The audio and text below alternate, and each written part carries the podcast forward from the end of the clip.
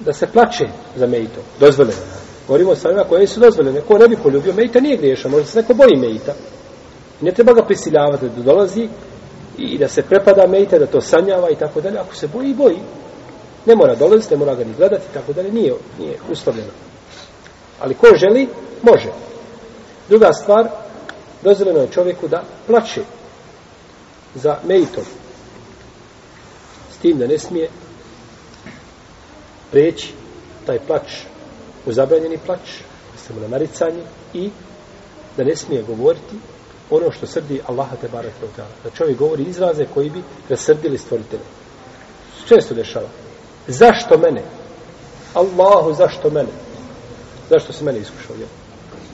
To su riječi koje su teške, koje su opasne.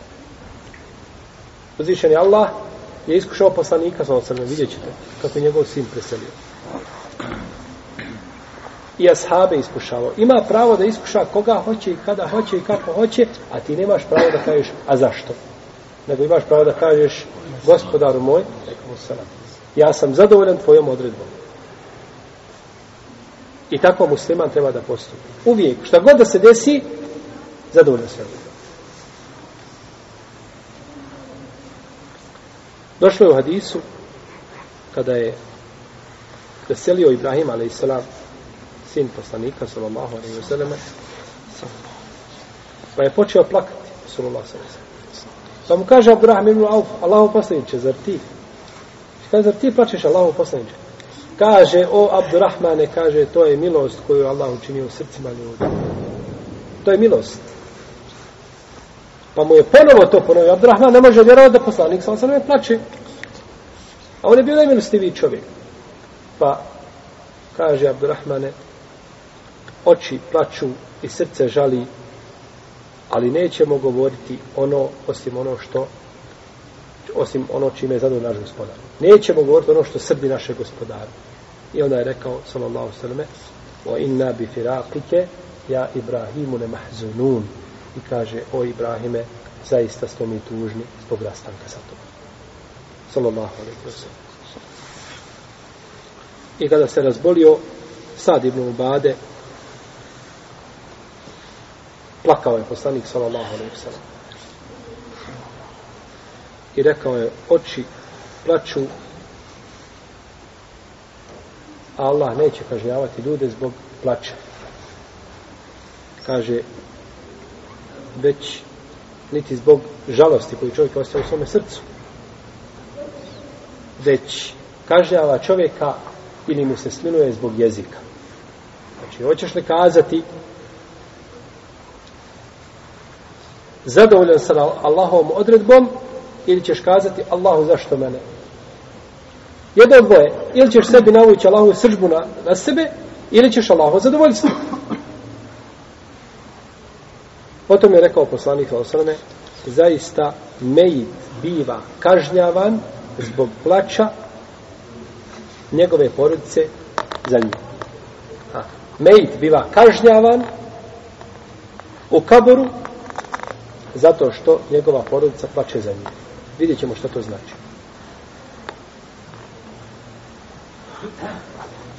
Dakle, obični plač ne smeta i nije šerijetski zabranjen. I to je milost koju je uzvišen Allah te barek usadio u ljudska srca.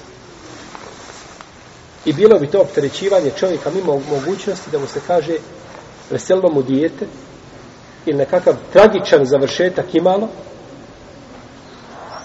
i onda kažeš ne smiješ plakati. Dođe ti skupina nasilnika, razbojnika i izbuše ti tvoje dijete u tramvaju i preseli negdje u bolnici.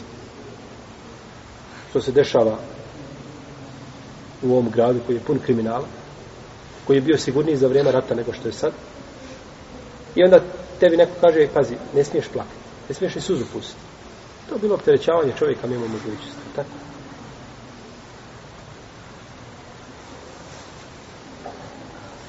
Da li će Neit biti kažnjavan zbog porodice koja plače za njim?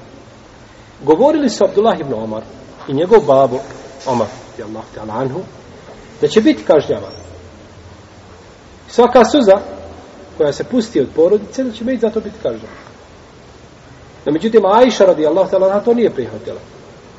Kaže, to je poslanik sa osaneme rekao kada je prošao pored židovkinje koja je preselila i njena porodica plakala za njom, kaže, ona će biti kažnjavana zbog vašeg plaća. Kaže, to rekao njoj, a nije to, kaže, rekao muslimani. Kod većine islamskih učenjaka mejit će biti kažnjavan zbog plaća porodice za njim, ako oporuči da plaću za njim. Kaže, kada umre, na noge se dignite i urlajte i plačite na silu. Čak imate da se iznajmi na rikača. Plati joj se dnevnica, ona je, ona je specijalizirana da nariče. I dođe i ona rasplače i, i, i najveselije i plati se. Pa, pa je to zabranjeno. Zabranjeno je, znači, da se oporuči, da se nariče za mejtom. Čovjek bio vjeran musliman, držao se Allahove vjere njegovih propisa. I nakon toga preseli. No međutim, djeca onaka kakve su. Nariču za njim. Da kažemo, on će biti kažnjavan zbog njih njegovog postupka. To bi bilo suprotno ajetu Vola teziru vaziretom izra uhra. I niko ničije grijehe neće nositi, tako? Jedni učenjaci kažu, bit će kažnjen zbog svoje porodice, ako budu plakali za njim, ako ih nije poučio propisima. Zanemario je poučavanje porodice, pa je nakon toga, pa će nakon toga biti kažnjen. U svakom slučaju, čovjek koji je poučio svoju porodicu i nije to poručio, išao kada da će biti kažen.